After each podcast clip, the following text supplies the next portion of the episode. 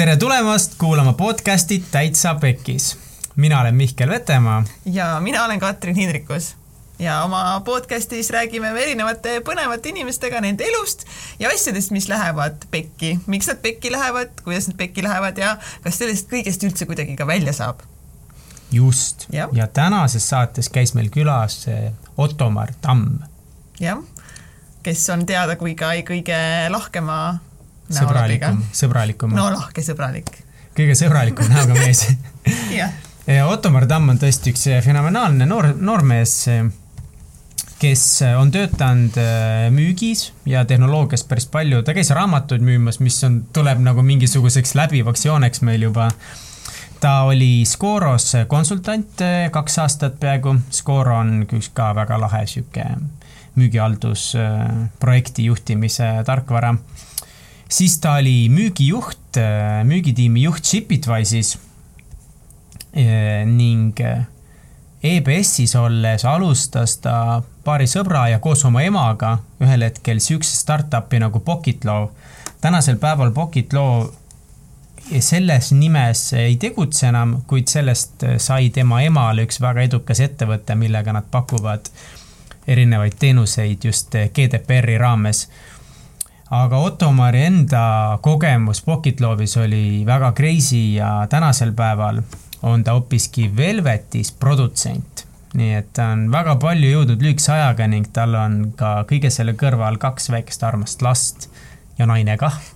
jah, ja me rääkisimegi sellest, et kuidas ta alguses äh, läks äh, ühiskonna survel ülikooli juurat õppima kuidas ta seda teha ei tahtnud, mis hetkel ta sealt ära tuli, mis väljakutsed seal olid ja rääkisime päris palju sellest siis, kuidas ta ehitas üles eh, täpselt samad seda Pocketlaw startup'i, millised olid seal väljakutsed, mis sellest sai, kuidas see viis mõneks ajaks tema ja ta pere Hispaaniasse ja kuidas nad läksid tülli oma emaga seda startup'i yeah. tehes ja ta naljatades ütles, et ta ema vihkas teda mingi hetk. me ei saa seda kinnitada ega ümber lükata. jah ja me rääkisime ka eh, siis eh, tema praegusest eh, põhivaldkonnast Velvetis produtsendina töötamisest, et mida tähendab ühes disainiettevõttes olla produtsent ja kuidas kõike tegema peab. ja rääkisime põhi, sellest, et tuleb tegutseda ja võtta vastutus oma tegude eest. nii et oli väga taaskord põnev ja sisutihe vestlus noore ja eduka meesterahvaga. ja, kellel on päris palju pekki läinud jaa, nii et suurepärane, tuju hea. tuju hea, nii et äh, kirjutage, soovitage meile veel ägedaid inimesi, keda te teate, kellel on pekki läinud elus ja kirjutage meile üldse hästi palju ja häid asju. Nii et head kuulamist. Head kuulamist. Tere tulemast kuulama Täitsa Pekis podcasti mina olen Mikkel Vetemaa ja täna on meil saates ülikihvt mees. ta on teinud müüki tehnoloogia valdkonnas, ta töötab hetkel Velvetis produtsendina, ma ei tea, mida see tähendab ja ta on üles ehitanud startup'e, tegelenud väga palju tehnoloogia ideedega ja ideesid püstitanud, neid sooritanud. see mees on Ottomar Tamm. Tere, Ottomar! tere see oli väga-väga lahe intro. aitäh! hea töö, Mihkel, alustasid. jaa, ma, keegi polegi minu kohta nii lahedat introt kunagi teinud, kui päris aus olla. Eh, sinu CV on ka väga lahe, ma vaatan, et sa oled olnud äh, Scoros konsultant, äh, müügitiimi juht Shipitwise'is, siis Pocketlovi tegevjuht, mis on üks startup, millest me kindlasti räägimegi sinuga mm. -hmm. ja täna oled produtsent Velvetis mm. -hmm. kuule, mis see tähendab, produtsent Velvetis? no see on niisugune koodnimi või niisugune mm, noh, produtsendi all mõeldakse tegelikult nagu projektijuhti, müügiinimest, asjapulka, inimeste juhti, see on niisugune produtsent äh, selles mõttes, et ta nagu omab hästi palju mingeid rolle enda sees, on ju. Mhm. ehk siis äh, kui ma nagu mõtlen oma igapäeva, igapäevaelu peale või igapäevatöö peale, siis ma tegelikult veedan hästi palju aega klientidega, äh, põhimõtteliselt ma püüan aru saada loomulikult, mis on, mis nad nagu saada tahavad, on ju. et äh, Velvetis me siis disainime ettevõtteid põhimõtteliselt, et selle seda ma peaksin hiljem natukene lahti seletama, et mis see disain nagu Velveti mõttes on. et see ei ole lihtsalt see, et me joonistame logosid, ütleme kuule, pats pihku ja davai hiljem noh et äh, me päriselt nagu näeme vaeva ja, ja tegelikult ehitame selliseid väikeseid ettevõtteid suurteks ähm,. aga jah, üks osa on siis see, et ma veedan väga palju aega klientidega, teiselt poolt on see, et äh, ma juhin siis erinevaid tiime meeskonna sees vastavalt siis projektile. et teeme, tege-, teeme nii arendust, teeme nii veebidisaini, äh, teeme ka sellist graafilist disaini, illustratsioone, keskkonda, äh, you name it, on ju, et, et noh, kõik, mis on seotud disainiga, seda me toodame selles vabrikus nimega Velvet. Kontor on kihvt, tulge külla kontor on teil täiega lahe ja ma olin seal Vali IT-s ja siis üks minu kursavendadest tuli just teile praktikale, mis on ka täiega lahe. aga me mõtlesime nagu nii palju, et millega me, millest me nagu sinuga täna räägime, sest sul on nagu neid valdkondasid jälle, millega sa tegelenud oled, oled, on nii palju mm -hmm. ja mhm. siis sa kuulud sellesse kategooriasse mehed, keda ma vihkan see, ma arvan, et see on ülihea kategooria. Sest sa oled minust noorem ja mulle sind vaadates jälle tundub mingit you got shit figured out. Ja, ja ma vaatasin, see on see Instagrami fenomen, inimeste elu tundub kuidagi võib-olla teistsugune, kui päriselt on, aga sa oled must aasta noorem, üheksakümmend üks, ma olen üheksakümmend. sul on kaks last. sul on insta pildid, kus sul on mingi üks laps üles, rõõmsa näoga, sa oled arvutis, lisaks nii. Otto Omari kommentaarid, kommentaarid sinu piltide all on sellised, et sa oled kõige sõbralikuma näoga mees. ja ma nõustun, sa oled kõige sõbralikuma näoga mees, keda ma näinud olen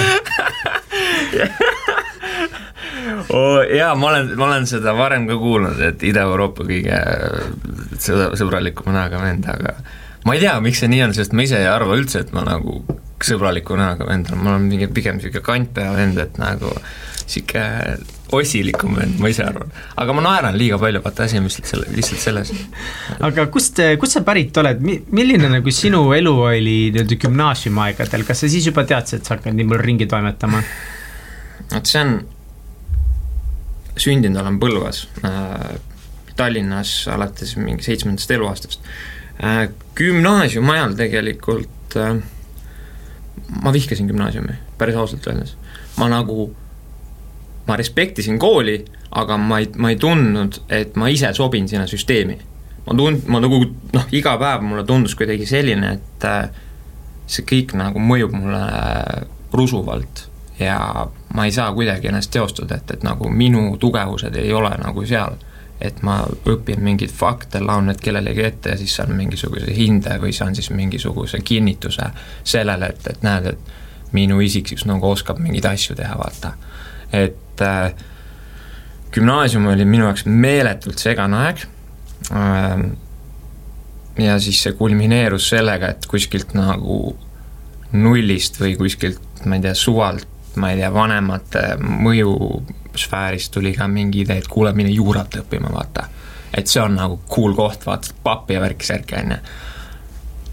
no ma olin idioot nagu selles mõttes, et nagu ma läksin ka, on ju, ma isegi ei süvenenud selles mõttes asja, on ju ja, ja esimene aasta iseenesest oli fine, ega mul see, noh, sain hakkama ja kõik oli tore, aga juura kui selline nagu nagu ma hakkasin sellest täiesti võõrduma pärast seda, kui ma käisin siis esimest korda USA-s raamatuid müümas, äh, see oli siis kaks tuhat üksteist suvi, on ju. Äh, see oligi pärast esimest ülikooli aastat ja siis mul nagu kogu maailm flipis kokku nagu et äh, ma veetsin, noh, enamus ilmselt teavad, kes on sellest kuulnud, ma lihtsalt kordan üle, et, et me tudengitena veedame väga palju aega siis peredega äh,, täiesti X kohtades üle Ameerika äh, ja, ja eesmärk on siis äh, tutvustada Southwesterni tooteid ju peredele ja, ja võimalusel need ka siis nagu maha müüa ja endale taskuraha teenida. et äh, seal ma justkui saingi niisuguse mingi esimese nagu kinnituse, et kuule, jõu, et nagu juura, nagu drop this shit kohe nagu väga kiiresti. aga ma olen niisugune kuradi jonnipunn, ma ei quit inud ma ei quit inud juurat, ma ei quit inud kuni kolmanda aastani. Ehk siis ma tegin, ma tegin vahepeal nagu teise ülikooli aasta, siis ma läksin teist korda USA-sse äh,, siis tulin tagasi, siis ma leidsin endale tulevase abikaasa ja siis kolmandal aastal juuras ma mõtlesin, no nii, nüüd on kohe varsti läbi, kõik, saan juurapaberi kätte, vaata. ja siis äh, äh, tegin lepinguvälise võla, lepinguvälise võlasuhete eksami tegin ära, mingi ego boost oli sees, et mõtlesin, et kurat, kõva vend olen, vaata, tegin ära nüüd. ja siis äh, läksin äh, tollase tüdruksõbra, tolle, tolleaegse siis tüdruksõbra juurde, siis ta ütles, et kuule, et sa oled papsiks, vaata. aa, et sa oled isaks? jaa, ma saan isaks. see oli jah, see oli kaks tuhat kaksteist äh, kevad. jah, ma olin kakskümmend üks, kui ma seda uudist kuulsin ähm, ja ütleme niimoodi, et siis oli sellel hetkel ma ütlesin niimoodi, et davai, juurakuit nagu kõik seo, et äh, sisuliselt siis, siis ma alles julgesin nagu fold ida, vaata. miks? ma ei tea. sest, sest et, sest et äh, siis ma nagu tundsin nagu täielikult, et äh, äh, ei, see ei ole nagu minu tee, vaata. nüüd mul justkui tekkis mingi vabandus, vaata, et öelda, et kuule, jaa, nagu äh, ära selle juuraga nagu enam edasi mine, on ju. nii et äh, see oli selline meele, meeletult keeruline aeg ka seetõttu, et ma pidin kohe minema ära peksa seda laulu nii palju. Sorry, ma, ma, ma, ma pidin, ma pidin minema äh, kaitseväkke aega teenima ka veel, vaata. samal ajal, kui äh, Anu oli lapseootel, on ju, ja nii oligi. aga õnneks Eesti Vabariik võttis mõistuse pähe, on ju, nad muutsid äh, tegevteenistuse seadust sellel hetkel, sellel aastal täpselt, mis tähendas seda, et äh, kui mina olin nüüd nagu tulevikus isaks saamas, siis mul oli võimalus nagu põhimõtteliselt kohe pärast seda, kui laps on sündinud, reservi saada ja koju saada, on ju. aga palju see mind ei aidanud, nagu mul ei olnud väga mitte midagi, mul ei olnud äh, mingit, mul ei olnud juura, juurakraadi esiteks, mul ei olnud tööd, mul ei olnud nagu noh, mul ei olnud üldse mitte midagi põhimõtteliselt, mul ei olnud kodu äh,, mingid autod bla, bla, blablabla, vaata kõik räägime nendest asjadest, et, et noh, mitte midagi mul ei olnud, ma tulin koju, äh, Miia Matilde meil sündis ja siis hakkasimegi vaikselt tasatargu seda päev-päevalt üles ehitama, seda nagu elulugu, mis meil täna nagu on, on ju. et äh, ma mäletan nagu sellest ajast seda, et, et hästi, hästi emotsionaalne aeg oli. hästi keeruline oli mingisugust nagu helget tulevikku kuskilt ette näha või midagi sellist, et, et äh, mu esimene ütleme siis töökoht Eestis oli Ragn Selsis, kus ma müüsin rohelisi kaste inimestele maha nagu. tahad rohelist kasti või? davai, osta, näed. et äh, jah, sealt nagu see aju hakkas kuidagi niimoodi töötlema seda infot, et jah, et, et noh, müük, kontaktid, äri ehitamine bla,, blablabla, et see kõik nagu klikkis minuga ära, aga mul oli hästi raske nagu otsustada seda, et et, et nagu mis ma siis päriselt teha tahan, vaata. ja ma ütlen ausalt, siiamaani ma ei oska öelda seda ja ma arvan, et see on okei okay. äh,. sest et äh, mul ei ole vaja nagu defineerida ennast mingisuguse ameti järgi. pigem mul on, mulle meeldib ennast defineerida mingite isikuomaduste järgi. ja ma arvan, et selle pool, selle koha pealt ma olen nagu päris kenasti edasi liikunud, et äh, et nagu lõppvisioonist ma olen veel päris kaugel aga, aga tase ja targu iga päevaga sinnapoole lähemale. see isaks saamise teema, see tundub nii suur ja see ongi suur ja eelmine podcast vist ütlesin ka, et ma olen nagu paar aastat juba mõelnud selle peale mm. -hmm. ja siis üks asi, mida ma mõelnud, mõelnud olen, on see, et et, et kui ma peaksin isaks saama, et kas siis kuidagi mu mõtlemine muutub et ma Paremuse olen, jah, et ma, et ma olen vähem laisk ja siis ma tahan veel rohkem nagu ära teha, aga et noh, et, et siis on mingisugune suurem vastutus taga, et kuidas sinu jaoks mõtlemine muutus, kui isaks said, kas muutus? ja, ja, ja, ja äh, ma arvan, et äh, otseselt, kui sa juba väidad täna, et sul on mingi X arv tunde, mille sees sa teed asju, siis kui sul tuleb laps kõrvale, siis see on justkui kohustus, vastutus, on ju ehk siis ma ei usu, et sa saad näiteks mm, nagu kuidagi rohkem asju tegema hakata, aga ma arvan, et sa saad muutuda efektiivsemaks nendes asjades, mida sa juba praegu teed. ma ei mäleta, üks ülikoolis, või ütleme, üks uuring tehti sellel teemal, ma ei mäleta täpselt, kes seda tegi, see on juba ammu, ammu aastaid tagasi. ühesõnaga, see, see efektiivsuse nagu ütleme siis näide tuleb eriti hästi välja emade puhul nagu. Need tüübid kill ivad nagu mehed nagu nii sekunditega ära, et ei kujuta ette, nad on nagu robotid lihtsalt. see on mega lahe vaadata nagu. et äh, mehed, me oleme lihtsad olendid, on ju, meid nagu, nagu me oleme mingi ma ei tea, tee seda, tee seda, ülesanne üks, kaks, kolm, neli, viis, kuus, seitse, kaheksa, kümme, on ju, siis emadel läheb see kuidagi nagu kõik nagu nad häkivad selle süsteemi kuidagi lahti ja siis nagu ja pluss nad nagu loovad kõik inimesed siin maailmas, on ju. see on nagu naised ruulivad lihtsalt, tähelepanek kõigile kuulajatele, lihtsalt vahemärkusena, anname teada. see on fakt nagu, ehk siis, aga nüüd tulles nagu minu isikliku muutuse juurde, siis äh, ma arvan, et äh, kõige suurem muutus oli see, et ma hakkasin tajuma mingit vastutust, vaata enne oli nagu lebona ja või noh, mitte, ma ei, mitte lebo, aga vaata no ikka kahekümne ühe aastane ikka nagu ikka ikka, ikka korralikult lebona, lihtsalt ma ei tea, käid ja tuuseldad ringi, vaata kedagi koti nagu, ennast kõik koti, peaasi, et saaks mingit pappi kuskilt koguda, vaata. noh, pull, noh, pulli aeg, vaata. ja siis, kui nagu ütleme, me selle uudise tegime avalikuks nagu lähe, lähikondlastele, siis oli nagu pooled mõtlesid niimoodi, et nad ei saa hakkama nagu mis pooled rohkem, enamus arvas, et me ei saa hakkama, vaata, et me ei jää kokku, midagi läheb pekki, vaata bla, bla, blablabla, on ju. ja aga oligi raske, aga, aga kuna, kuna mul on piisavalt äge abikaasa, kes äh, on võimeline mind ära taluma ja me suutsime mingisuguse väikese süsteemi nagu alguses üles ehitada niimoodi, et me ei noh, et see vundament ei kollapsi, vaata, siis, siis, siis, siis nagu siiamaani see ei ole nagu katki läinud, on ju milline see süsteem on? no alguses ma olin, noh, minu abikaasa oli see stay at home mom, on ju.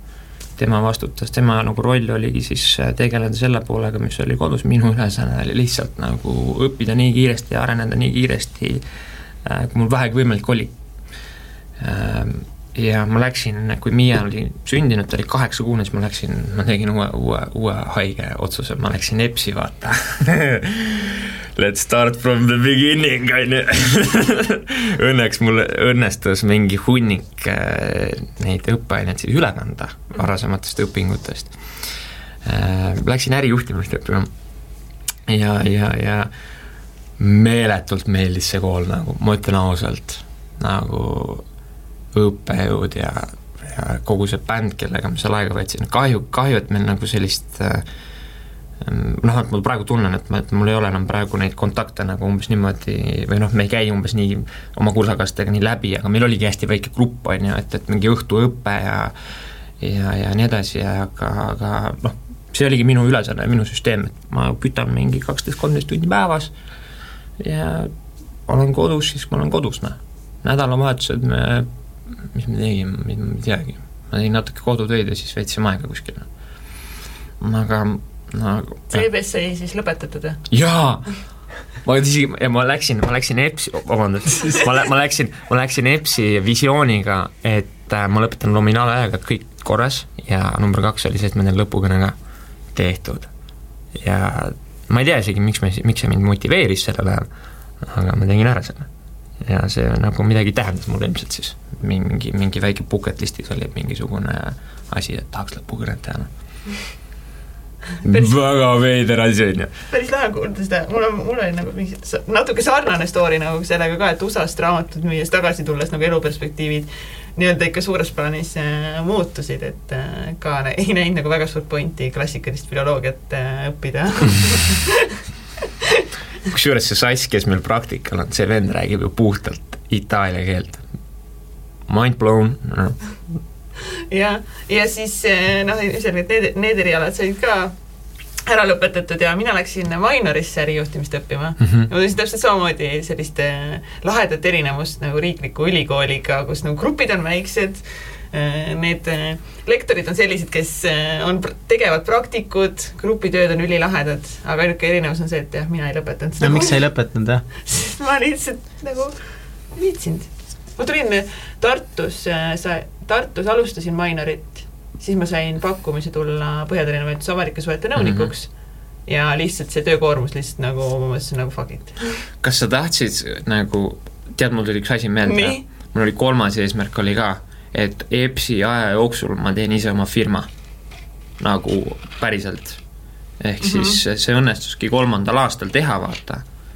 no okei okay,, tegelikult OÜ-dega ma olen ka varem seotud, aga ütleme, niisugune nagu startup-ilik firma siis ütleme, see oli nagu niisugune visioon või mõte.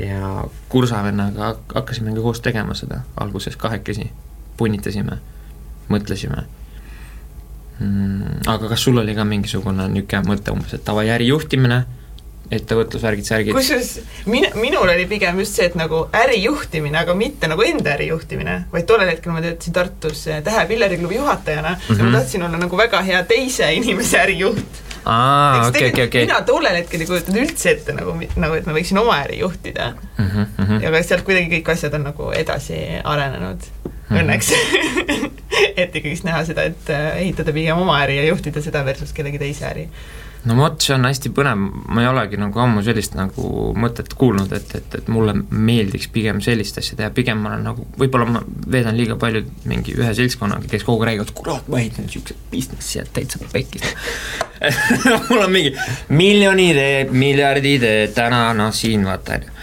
et äh, hästi, hästi, hästi lahe perspektiiv äh,. jah, mul on, mul on just vastupidi, et mul nagu, mul nagu aju nagu otsib mingeid uusi äh, ideid kogu aeg nagu filterdab neid läbi ja, ja mingi hetk mul oli isegi mingi sihuke paks nagu ideede raamat, aga see on jumala vinge sinu puhul, ma lugesin seda sinu Mediumi artiklit ja sa rääkisidki just sellest, et kuidas te alustasite siis Pocket Love'i, see on siis startup, mida sa alustasid seal yeah. siis, eks ole.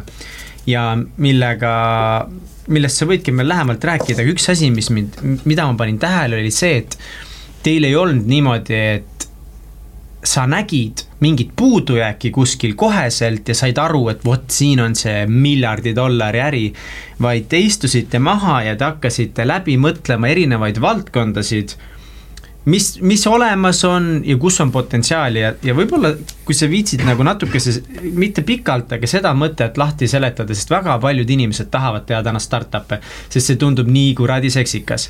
aga ideed ei ole nagu, enamustel ei ole ideed, et äh, kuidas jõuda ideeni? Äh, sisuliselt ma, ma mäletan seda olukorda selliselt, et äh, seal mm, Toompuiesteel on see pööbel või, sihuke joo-, joo-, joogi-söögikoht. Äh, see oli vist ilmselt pärast mingeid loenguid või ma ei mäletagi, mis hetkel see täpselt oli, aga ühesõnaga ma ütlesin sellele kursavend Mikule, et kuule, jõu, et lähme, lähme, tundub nagu lahe vend, et nagu lähme räägime, noh, mul on mingid ideed peas, vaata. et mõtlesime mingeid asju, vaata, mingi kümme ideed, on ju need olid täiesti lambised, nagu ma ei, ma ei noh, need ideed kui sellised no, olid minu jaoks hästi pealiskaudsed, ma ei olnud selle ühegi ideega läinud kuskile sügavale, vaata. aga kuna Mikk oli pigem niisugune vend, et nagu analüüsime veits, vaata, mõtleme,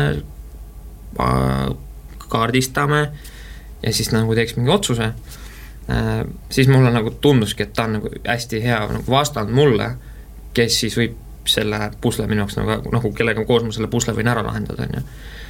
ja see oligi kuidagi niimoodi, et, et või võtsime võib-olla mõne õlle ka seal kõrvale oh,. kümme ideed oli, ma ei tea, täiesti lambistest valdkondadest nagu ei olnud mingit piirangut ees nagu. mulle ei meeldi tavaliselt piirangutega mängida, sest siis ma nagu tapan kuidagi enda mingit loovust või mida iganes. ja siis äh, jäi, noh, umbes panime mingeid reitinguid mingi viiepallisüsteemis, et davai, et see on nagu viis, on ju, või see on neli ja see on mingi üks, on ju, sellega üldse ei taha tegeleda äh,. siis jäigi mingi kolm, kolm tükki alles. ja siis mul nagu, kuna mul oli endal nagu ajalooliselt oli juuraga nagu seos olemas, võib-olla siis see emotsionaalne otsus, vaata, natukene nagu kandus ka sellesse ideesse üle, vaata, või see emotsionaalne pool, et kuule, et tahaks nagu noh, kolm aastat juba kütsin seda aega, et, et äkki siis nagu süveneks sinna valdkonda korra, on ju ja mida, noh, see sai kuskil suve alguses sai see õhtu niimoodi tehtud äh,. algselt ma olin, ma läksin kohe, hakkasin telefonidega kütma, et kuule, jõu, mul on idee, et äh, mis sa arvad, vaata. helistasin mingitele tuttavatele juristidele, emale kes alguses ütles, et on täis pask idee nagu. ja siis nagu kolm kuud hiljem ta on mingi, ma tahan täiega tiimi tulla oot-oot, aga oma meediumartiklis sa kirjutasid hoopis teistmoodi, et te võtsite erinevad valdkonnad ette ja siis te vaatasite valdkonnapõhiselt ja siis teil tuli, et see võiks vaadata õigusvaldkonda ah,. võib-olla see oli, ma ei mäleta seda niimoodi, aga see oli nagu vaata, see oligi see, et iga ideega oli mingi valdkond üldiselt mm. seotud, vaata. nii et teil ikkagi olid ideed juba enne olemas, jah? ei, ideed olid selles mõttes enne olemas. kurat, sorry kuulajad, ei saagi teada, kuidas idee, ideeni jõuda ei, tegelikult saab äh, mina näen üldiselt niimoodi, et kui, kui ma näen mingit ähm, kui ma, ma ei tea, hindan mingit hetkeolukorda näiteks, on ju, täna, täna, ma lihtsalt brainstorm in praegu, mõtlen kõva häälega ühte seda, seda oma, oma mõtteprotsessi läbi. et äh, ma, ma, mul on praegu challenge nagu päriselt produtsendina Velvetis. ehk siis küsimus on selles, et kuidas ma saan äh, nagu maksimaalselt äh, kontrollida nagu mingit projekti kulgu, vaata nagu lihtsalt, et, et, et noh, mina ei ole nagu väga sihuke süvenev inimene, mul on hästi raske, ma pigem, mul, kui mul käib nagu, ma lahendan sada probleemi ühe päeva jooksul ära, ma olen õnnelik, vaata.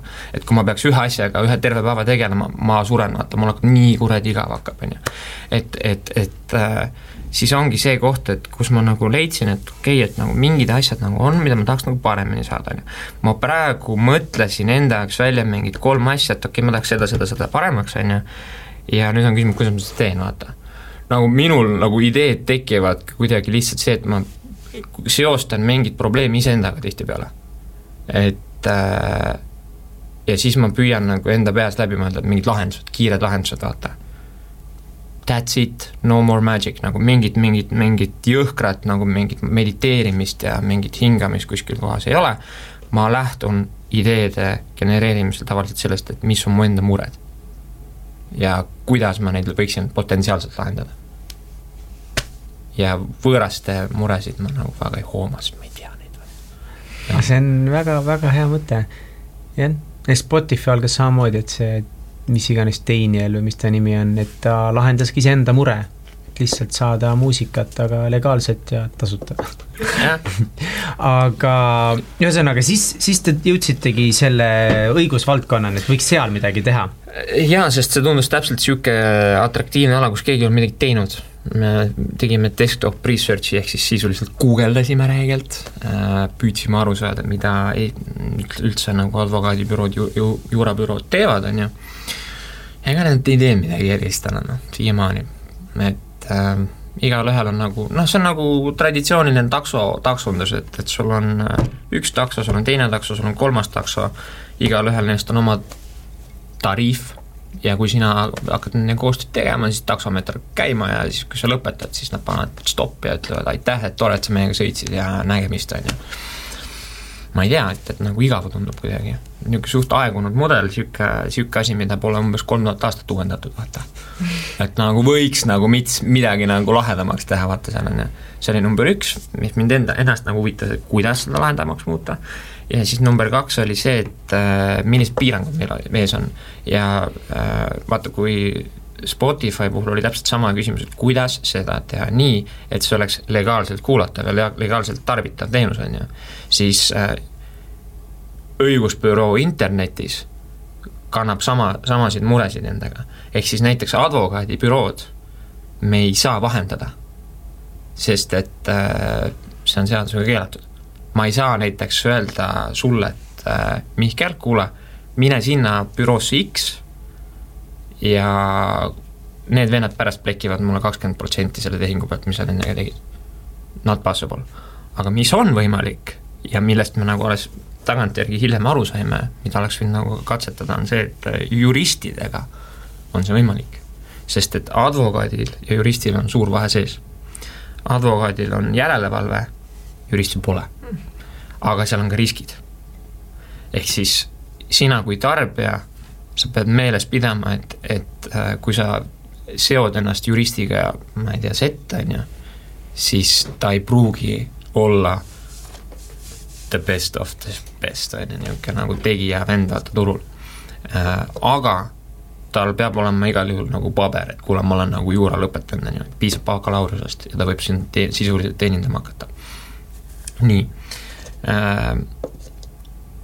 ühesõnaga, sealt see, sealt see nagu, see on see niisugune taustalugu, et mis, mis see hetkeolukord oli, on ju ja mm, meie ikka raiusime nagu Pocket looga seda teed, et okei okay, ähm,, teeme hästi lihtsa toote, vaata, alguses. ehk siis ongi see, et me lihtsalt viime inimesed kokku, vaata, õige, nagu ongi niisugune hanke pakkumiskeskkond, vaata, kus sa saad siis kiiresti nii-öelda pakkumise advokaadilt. me esimeses voorus nagu ainult nagu panime oma süsteemi advokaadid, kellelt sa said siis kiiresti pakkumise, et kuule, et mul on niisugune mure, on ju, aga tead, sealt juba nii kiiresti tulid nagu välja niisugused nagu errorid, et need tüübid ainult oskasid oma tariifihinda öelda, vaata.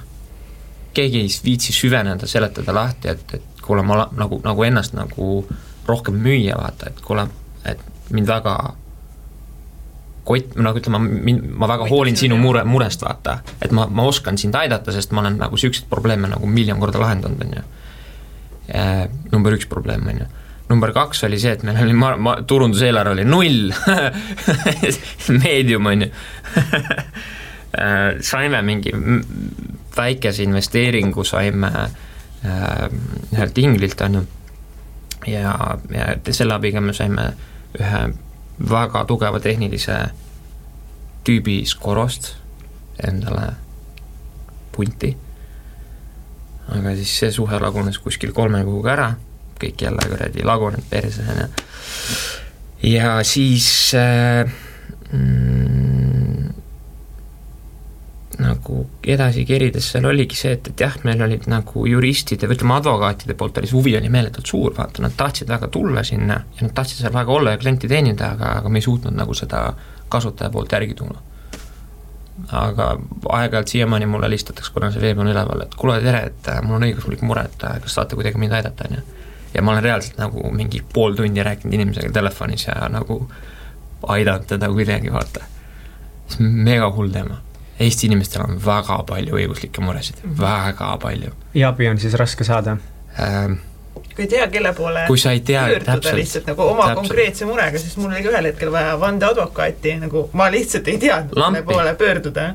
noh, mul, aga mul on vaja parimat vandeadvokaati, mingeid lambivendasid kuskilt nurga tagant, on ju. siis ma hakkasin lihtsalt tuttavatele helistama ja ma sain erinevate advokaatidega kokku ja osad nagu reaalselt nagu, kui ma oleks selle advokaadi võtnud, nagu ma arvan, et ma oleks kaotanud. on ju? noh aga õnneks ma sain nagu väga hea vandeadvokaadi lõpuks endale, kes ütles mulle konkreetselt, kui naine, nüüd on niimoodi lood mm, -hmm. nii, nii, nii, nii, nii, me peame tegema sellised, sellised sammud, see läheb maksma sulle nii, nii, nii palju ja nii ongi mm. -hmm. ja nüüd on vaja niisuguseid samme tegema hakata, aga niisuguseid uinamuinasid oli ka. jah, need uinamuinad ongi niisugused põnevad äh, olendid, et ähm, neilt võiks täpselt küsida, et kuule, aga miks sa advokaadiks ei taha saada Te hakkate nagu päris advokaadiks nüüd, jah? jah, et kuule, et, et nagu mis sind takistab või vaata, et noh, sa justkui nagu oled selle valiku teinud, et nagu õigusvaldkond, et nagu mis nüüd juhtus, vaata. et sa ju praktiseerid seda asja, et, et, et, et kas sa nagu, kas sul on mingi ego küsimus või ma ei tea, et äh, ütleme, noh, kui sa seda, seda turgu nagu kuidagi piltlikult öeldes nagu kirjeldad, siis see on midagi sellist, et äh, advokaadid teenindavad kümmet, viisteist, viiteist, kahtekümmet protsenti nagu turuosast, on ju.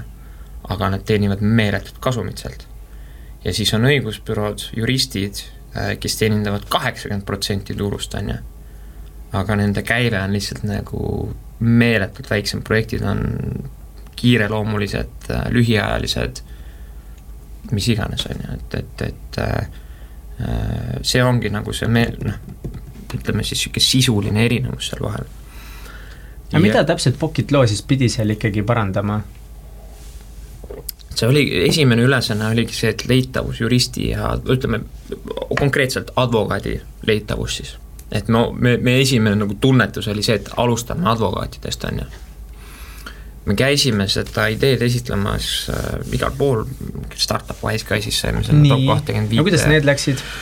Kenasti läks, aga seal oligi see, et me, tagasiside oligi niisugune natuke nagu ähmane, et, et, et noh mm, äh, jah, kõik ütlesid, jaa, Otto, sa oled tore vend ja oskad pitch ida ja blablabla bla, bla, aga vaata, et nagu nagu mõtle veel ideed läbi, on ju. et nagu see idee veel ei kanna veel päris hästi. et see oli niisugune esmane tagasiside, mida ma mäletan. ja, ja üks hetk ma leidsin endale mingisugused mentorid Soomes, ma tripisin Soome, suhtlesin mingite täiesti suvaliste tüüpidega nagu üle maailma. Kanada ühe tüübiga pidime, ütleme Kanadas oli üks sarnase platvormi ideega nagu ettevõte, kellega mõtlesime, et collaborate ime mida iganes, teeme asja koos. aga kordagi nagu ei tekkinud sellist nagu drive'i selles tiimis, meie enda tiimis, et, et, et teeks nüüd mingi sisulise otsuse ja lähme kütame, vaata äh, nii et nagu esimene niisugune suur fuck up minu poolt oligi see, et, et äh, ma ei osanud seda tiimi juhtida sinna tasemele, et, et me suudaksime nagu üheskoos mingisuguse selge eesmärgi, selge tegevusplaani järgi liikuda, on ju. Ähm, ma arvan, et ma ei tea, noh, kui küsida, okei okay,, kas sa nüüd saaks sellega hakkama, ma ei tea, raske öelda, on ju, ma ei ole praegu selles situatsioonis ähm, aga jah, ütleme, see, see Pokitlo asi nagu oligi minu jaoks äh, äh, ta oli üks nagu, ta oli üks nagu niisugune nagu periood elus, kus sa nagu mõtled tagasi ja sa mõtled, et nagu fuck, sul olid pisarad, stress, kuradi, kõike sai, aga aga, aga mitte nagu, nagu sa nii väga tahtsid, et mingi asi liiguks edasi, vaata, siis tahtsid seda aga see ei liikunud mitte kuskile nagu. ja sa, sa, sa, sa nagu mõtled, mõtled, mida ma kurat tegema pean, sa mõt-, ma, ma Maarjaga ma tegin sellel hetkel koostööd, on ju, e, kes oli siis minu mentor, coach. Ja, ja mul oli meeletult raske nagu leida mingeid lahendusi, et, et davai, et nagu lähme seda teed, ehitame seda toodet ta-ta-ta-ta-ta-ta ja kuniks üks hetk ma olingi täiesti läbi põlenud, ma olin nagu meeletus stressis, ma olin terve suvi läbi,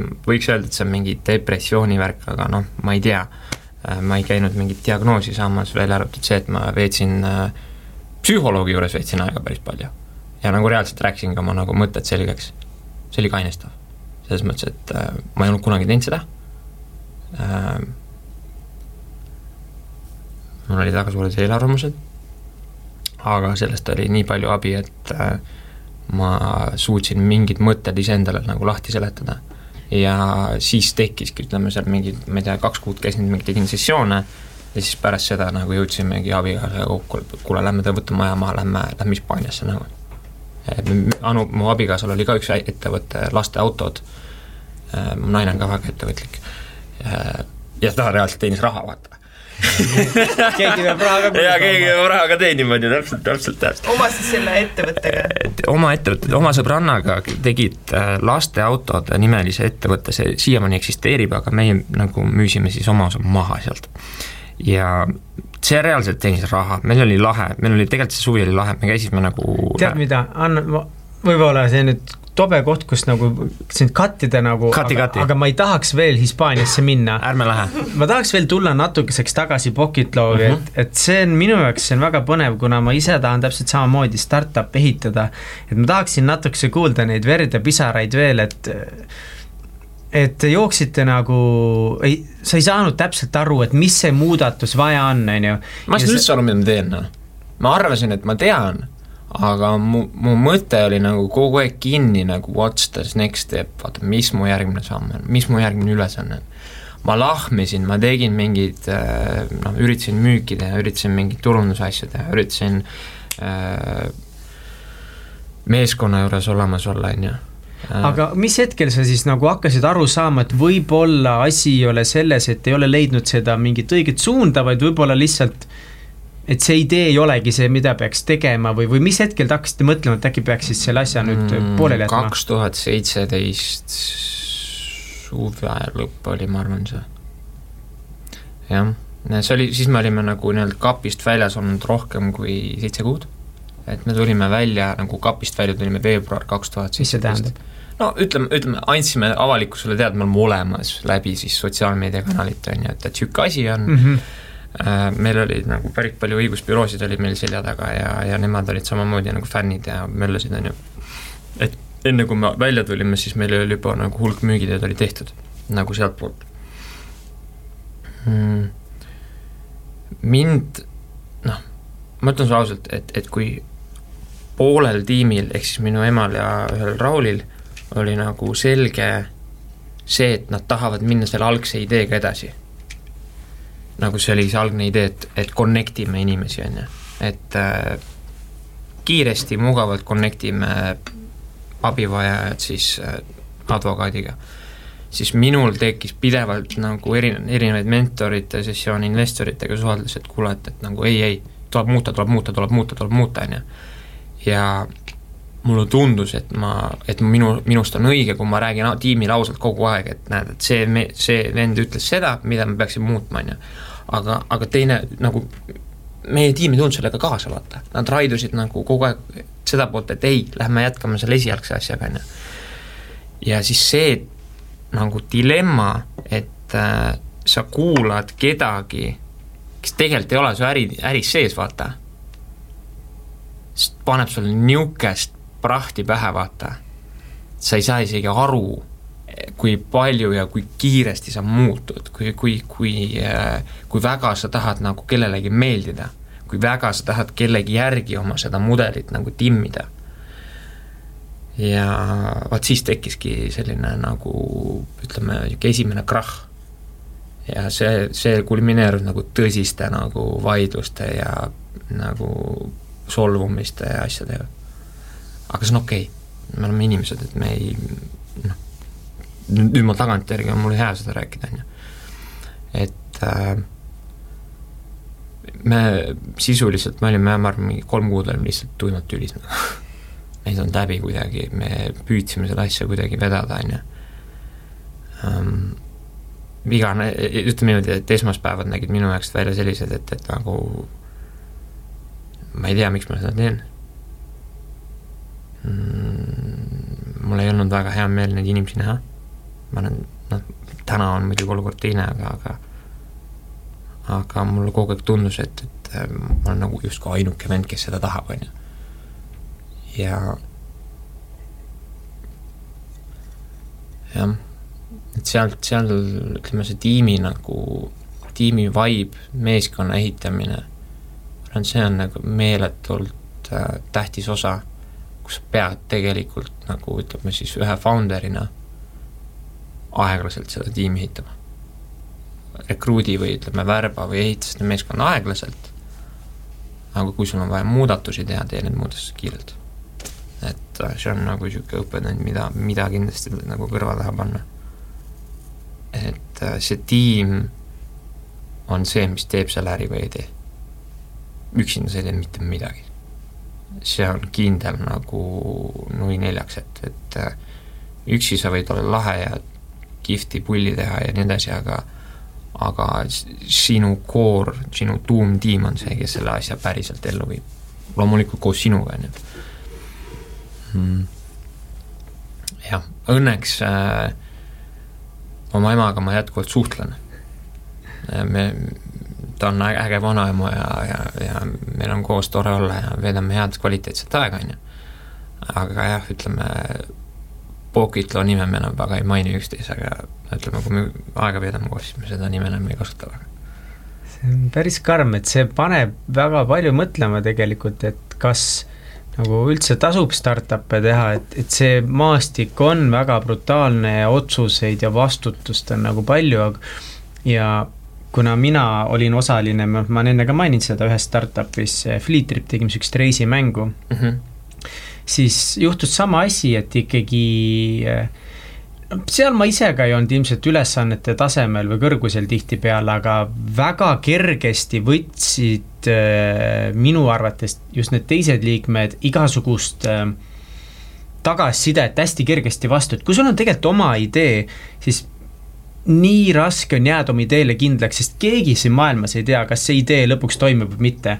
aga kui sa iga päev muudad seda, siis see ei toimi nii või naa või kui sa kogu aeg mõtled, arutad, et tegelikult noh, ja keegi ei tea, kus on see õige piir, kuhu maani sa pead oma ideed raiuma aga, aga see nii-öelda tagasiside ja kogu aeg nii-öelda selle asja üle vaidlemine, et see on niisugune, aga point on selles, et, et tagasi vaadata samamoodi ma olen nii tänulik, et me tegime seda, ma õppisin nii räigelt palju. Mm. et ja need õppetunnid, mis sina ütlesid ka, mis sa siin välja tõid, et need on noh, need on nii kandvad ideed, mis hiljem ilmselt toovad sulle need miljonid, kui sa jätkad sellel maal. jaa, aga ütleme, need noh, nendest ideedest sa saad, nendest õpp, õppetundidest sa saad alles hiljem aru, et äh, äh, sellel hetkel sul oli suva nagu, tõsiselt ükskõik. peaasi, et nagu midagi juhtuks, oli mul nagu niisugune, niisugune tunne, on ju. Et äh, mingid asjad edasi liiguks, mingid asjad nagu areneks. aga jah, et äh, ma jah, ma olen sinuga sada protsenti nõus, et, et tänulik tasub olla küll selle eest, et sa nagu selle, selle, kui sa selle kogemuse korralikult läbi teed, et siis sa ei ole enam see tüüp, kes sa enne olid nagu. et ja, ja, ja jällegi, et äh, kõige valem on anda nagu alla, siis kui sa oled fail inud ühe korra. Mine lae ennast maha ja hakka uuesti tegutsema nagu, et äh, ei tasu lihtsalt nagu ära vinduda. ja mis kõige lahe, ma ütlen sulle ühe asja veel, teile, mitte sulle. Et äh, mulle megalt meeldis see, mis juhtus minu EMS-iga tegelikult, sest et ta on praegu nagu täielikus ettevõtlustsoonis sees, vaata. Noh, ma, nagu ma ütlesin, ma, ma ei tea, kas ma juba jõudsin seda mainida, aga eh, nad tegid siis Rauliga koos spin-off'i, nad tegid oma traditsioonilise sellest Pocket Law'ist Pocket Law'st tegid oma justkui niisuguse asja, on ju, eh, tegeleb see konkreetsemalt siis GDPR-i äh, teemadega, et, et, et auditid ja süsteemide loomine, implementeerimine, on ju. nagu lahe ju, et ja siis tüübid teenivad reaalselt raha väga ägedate klientidega, suured kliendid maksavad raha neile iga pagana minuti eest, mis nad nagu kasseerivad sealt, on ju. ehitavad endale uut bürood äh,, nagu reaalselt nagu, nagu mul on hea meel vaadata, kuhu tema on nagu jõudnud, vaata. et, et ta sai üle sellest äh, hirmust, mis tal oli enne, kui äh, kui noh, ta oli, ta on aastakümneid olnud palgatöötaja äh, finants- ja õigusmaailmas, on ju Äh, konsultant ja nii edasi, et, et äh, ma ei tunne enam teda ära. reaalselt ta, tal on praegu kolmeteisttunnised tööpäevad nagu, kütab. ja ta on viiekümne aastane inimene, inimene nagu. vot see, vot, vot see, see on nagu asi, mida tuleb nagu meeles pidada, et, et it's never too late, vaata, mitte kunagi pole liiga hilja teha see muutus ära, aga mul on tunne, ütleme, milles ma olen kindel, me ei ole sellest väga palju EMS-iga rääkinud, noh, võib-olla ma hoian ise ka ennast tagasi, aga mul on tunne, et ta sai selle kliki saigi läbi tänu sellele pagana Pocket Law rõvedusele projektile nagu, on ju. et, et seal oli nii valus olla, et nagu enam valusamaks minna ei saa, on ju, sa vihkad oma poega, vaata, tule siia. Ja tervitused emale tšau, et äh, jaa äh,, see on, see on äge. Ja, ja kusjuures äh, tal oligi just juubel, ta oli meeletult endast väljas, ma ei tea, mis selle viiekümne aastaseks saamisega on nagu. ta oli meeletult endast väljas, ütles, ma ta-, ma, ma, ta ei taha meid näha, lapselapsi ka ei taha näha, mingi, ma lähen nüüd oma nurka, on ju. ma olin nagu okei okay,, mis juhtus, on ju, ühesõnaga viisime lilled salaja ära, vaata. ja tuleb välja, et nagu Tegelinski ehitab firmasid, noh, saad sa aru, noh? Ja, ja, ja nüüd lõpuks nagu tuli kapist välja ja ühesõnaga rahunes maha ja ütles, et tal on hea tuju, nüüd ta tahab neid nagu peole kutsuda kuskile, siis ma ütlesin, okei okay,, davai.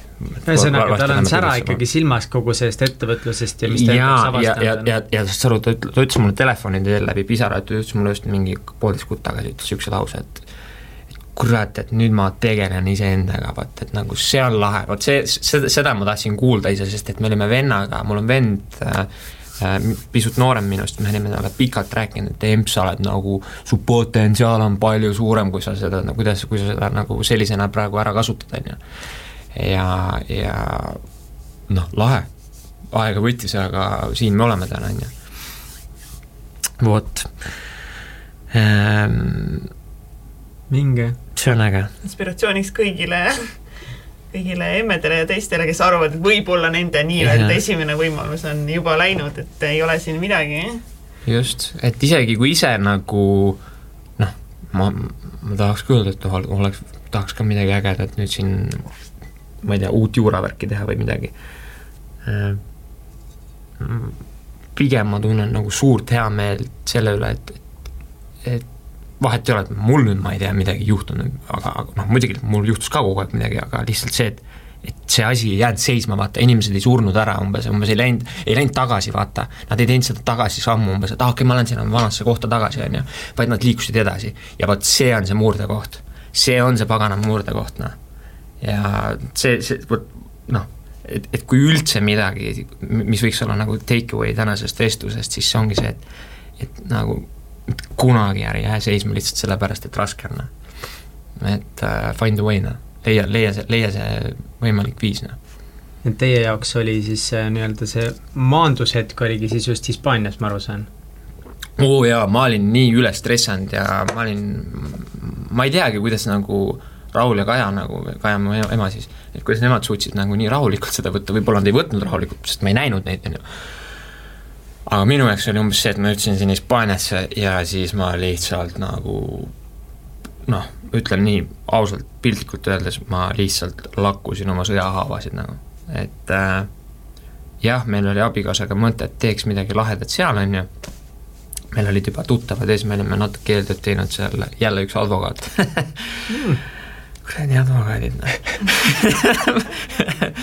ma tean päris palju advokaate Eestis äh,. Siis ähm, oli, oligi see jah, et, et me läksime sinna, saime mingi ka-, ka-, kolmetoalise pisikese junsu korteri. oota, aga kuidas see mõte üldse tuli, et miks Hispaaniasse? see, see, see eellugu on see, et äh, äh, augustikuus aasta aega tagasi ma olin lihtsalt nagu hunnik, õnnetus hunnik omadega ja siis mul abikaasa ütles, et kuule, lähme välismaale ma ütlesin davai ja siis hakkasimegi organiseerima seda. kahe väikse lapsega? kahe väikse lapsega, võtsime kaasa äh,, meil vanem laps käis siis lasteaias ka seal juba mõnda aega. noh, ütleme, kui me läksime sinna, siis ta käis seal lasteaias koha peal äh,. mina ei teinud midagi muud, kui ma teenisin nii palju raha, et ma läbi Skype'i konsulteerisin mingeid ettevõtteid ja aitasin mingeid otsi kokku viia ja sain natuke sealt raha, on ju, ja siis äh, minu abikaasa oli siis praegu noh, ütleme see kaks pool kuud, mis me olime seal, ta oli nagu kogu aeg kodune. et äh, poja oli meil, ma arvan, kak-, no ütleme natuke alla kaheaastane, pooleteistaastane. et pooleteistaastasega sa Hispaanias niisama pulli ei tee, et, et ei viska teda kuskile lasteaeda ilmselt, ma ei tea, vähemalt meie sellel hetkel otsustasime niimoodi. jah, ühesõnaga äh, tuli idee nagu ikka see on nii ebarealistlik, sest teil tuli idee kolida perega ümber lihtsalt ma ei saanud isegi sellest aru, kui ebarealistlik see oli, enne kui me sinna lõpuks kohale jõudsime. Teil oli ikka plaan sinna alguses pikemaks jääda? ja, ja, ja mõtlesime sõpradele, tegime hüvasti jätupeo ellab varsti, vaata, noh, sihuke lugu, et sihuke tunne, et davai, rohkem ei näe, vaata. et peale päris pikka aega ei näe. aga siis äh, siis ikkagi juhtus see, et, et kui me sinna kohale läksime, siis ma ütlen ausalt, ma, mul oli, mul hakkas nagu nii igav. mul hakkas nagu nii igav, et mul nagu see stress ja kõik läks ära, vaata, sest mul oli nii igav olla, vaata. mul ei olnud mitte midagi teha nagu. noh, mul ei olnud inimesi minu ümber, mina näiteks väga naudin seda, kui mul on ägedad inimesed enda ümber, ma saan inimestega koos tööd teha. et, et, et üksik hunt ma väga ei ole. ja ja siis ma lihtsalt niimoodi oligi, et, et nagu kui olime kaks kuud ära olnud, siis ma ütlesin, ei, see oli niimoodi, et ma räägin, nüüd ma juba siin praegu mõt-, mõttekäigus meenutan täpselt seda lugu, ühesõnaga me olime kuu aega ära olnud, siis jäid meil lapsed järjest haigeks seal, saad sa aru, Hispaania kliimas jääd haigeks nagu, mida, külmetushaigusesse ka veel, on ju nagu ebareaalne. Ja siis ma olin nagu, mul pissed off nagu, mis mõttes, on ju, mul on soe siin olla, mis te tahate nagu, mingi jama on, on ju ja lapsed olid kuu aega jutti jäid haiged, noh. järg-, kordamööda niimoodi tuh-tuh-tuh. ja siis ma olin küll nagu kurat, et nagu see on mingi skämm on, vaata, et mingi vandenõu, vaata, kuskil mingi käib, on ju. ja, ja siis äh, ma ütlesin päevapealt, et davai, lähme tagasi. mul isa ja Anuisa ja Poolmend jõudsid veel meil selle külas käia, käisime ratastega sõitmas ja siis nagu, kui nad tulid, ma nägin nende ne,, nägin neid üle kahe kuu, on ju, ja siis mõtlesin, et kuule, paps, me tuleme tagasi. Siis ta oli ka, okei okay,, tulge, vähemalt meil oli niisugune lahe puhkusnädal. saime koos aega veeta ja mõnus oli. et äh, ütleme, Hispaaniast nagu mingit suurt take away'd nagu ei ole, välja arvatud see, et, et mulle meeldis see otsus, et me julgesime seda teha, see oli sihuke, niisugune kümnest kaheksa julgus, on ju. ja number kaks, et ma sain ikkagi mingisuguse tunnetuse kätte, et, et või ütleme siis õigemini perspektiivi, et Eestis on sul igal juhul nagu palju lihtsam, palju ägedam ja palju nagu mugavam mingit äri ehitada. sest et kui me, me reaalselt jõudsime seal, seda ma veel ei ole maininud, et me hakkasime OÜ-d seal nagu Eesti mõistes OÜ-d ka Hispaaniasse ehitama. me jätsime selle protsessi katki, sest see võttis rohkem kui kaks kuud aega. saate aru? Viis mintsa versus kaks kuud. nagu Ah, how the fuck nagu, kuidas see nagu, kuidas see võimalik on? ja siis meile kogu aeg heideti ette mingeid vabandusi, aa see on blablabla. ühesõnaga, jumal tänatud, et me lõpetasime selle asja äh,, ka seal mõned suhted nagu lagunesid, mis on okei okay, ähm,, aga, aga nagu take away on see, et, et nagu kõik, kes seda saadet kuulavad, siis pidage meeles, et nagu ärge minge niisama välismaale nagu pulli tegema nagu, et selles, selles mõttes, et nagu see on ajaraisk, et pigem keskenduge nendele asjadele, mida te saate siin ära teha, teil on neid võimalusi nagu meeletult palju, et me isegi ei mõista seda veel päris täpselt, kui palju meil neid võimalusi on. et see rohi ei ole nii väga rohelisem ikka seal teisel pool. maailma tasub avastada, aga ja. mul on tunne jah, et, et võib-olla see põhjus, miks ära minna, ei ole alati põhjendatud. reisida on äge, aga tihti minnakse nagu ära, sest kõik on nii halb Eestis Aha. ja nii külm ja pime ja minu arust Eestis on ikka väga hea mm. -hmm. siis me tulime tagasi. mul see tunne, mis mul sees oli, see mingi miinus viisteist kraadi oli. Ma olin mingi jess nagu nii hea on olla siin tagasi, sa ei kujuta ette. ja, ja see, see, see story oli lihtsalt jaa, täpselt sihuke, et nagu nii mõnus oli tagasi tulla, lihtsalt see, see, see kodune tunne, see võimaluste rohkus, ma võtsin telefoni kätte, ma hakkasin kohe jälle helistama inimestele, kes, keda, kellega ma vähegi tahtsin suhelda rääkida. Ja rest is history selles mõttes, et äh, äh, meil sai poeg, sai ka vahepeal piisavalt suureks, Anu läks äh, oma esimesele tööle ta on ise õppinud raamatupidaja, vaata. ja ta läks äh, Põlva kaubandusse, läks äh, raamatupidajaks. ehk siis äh, nagu nullist, vaata. Et tema konkurendid olid mingisugused noh, ikka paberiga yeah. raamatupidajad, on ju. aga vaata, tal on nagu mingi lugu rääkida, vaata. mees on kuradi depressioonis, kuradi kaks last ma ei tea muidugi, kas ta rääkis seda seal tööintervjuul või mitte, on ju. aga jaa, ta võeti sinna ja ta on juba seal peaaegu et noh, tiba vähem kui aasta olnud, aga selles mõttes, et veebruaris saab aasta.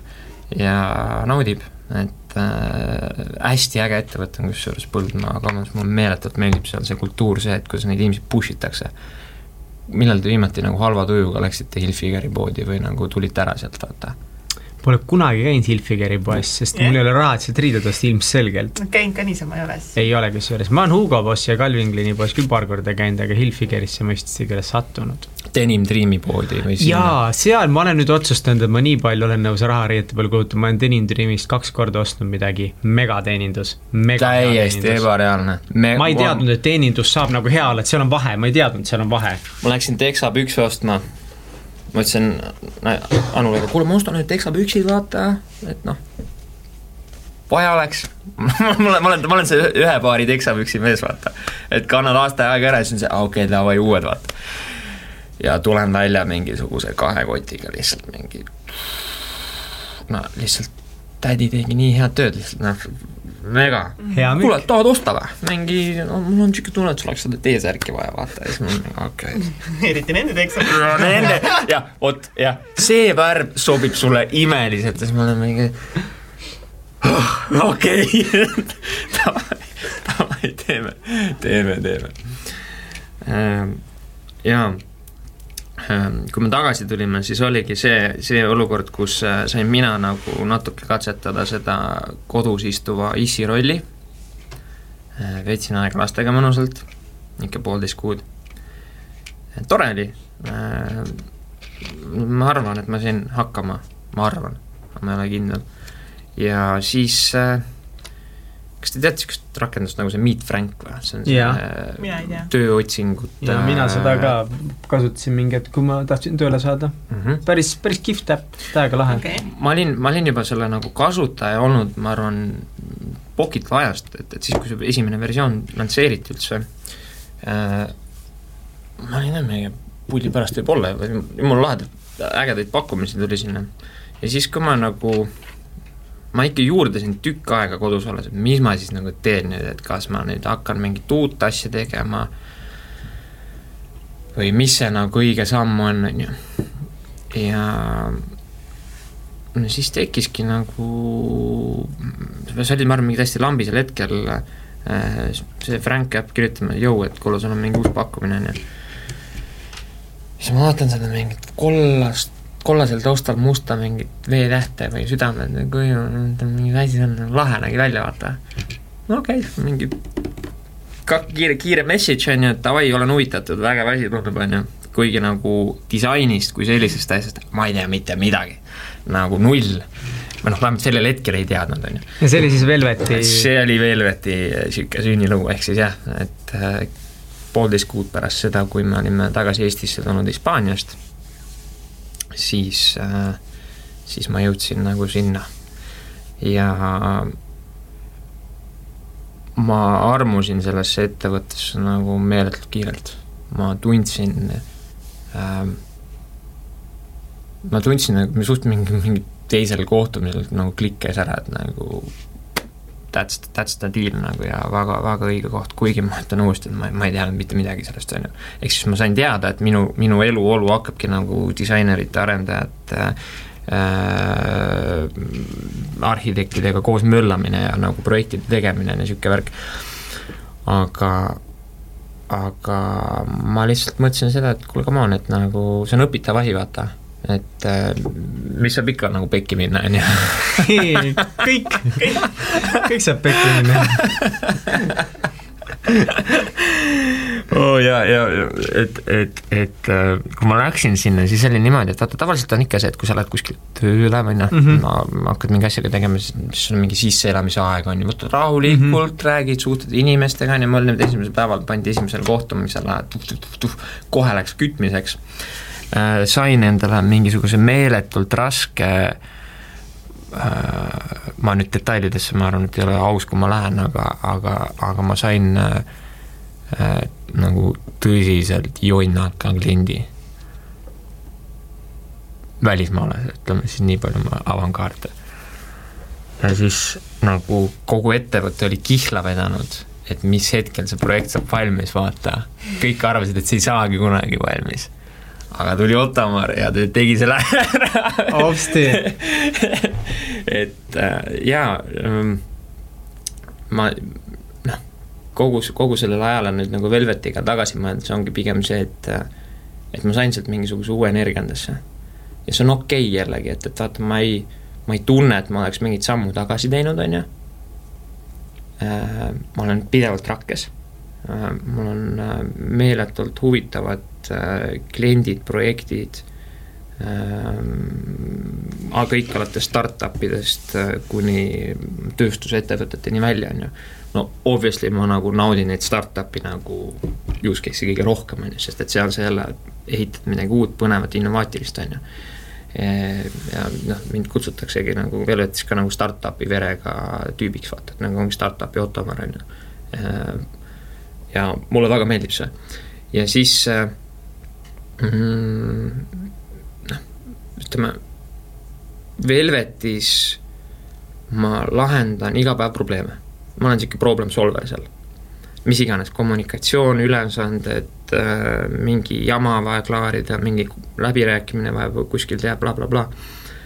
ja, ja nagu selle saate kontekstis siin täna siis ma arvan, et nagu ma teen vähemalt mingi kolm möödaminekut nagu päevas.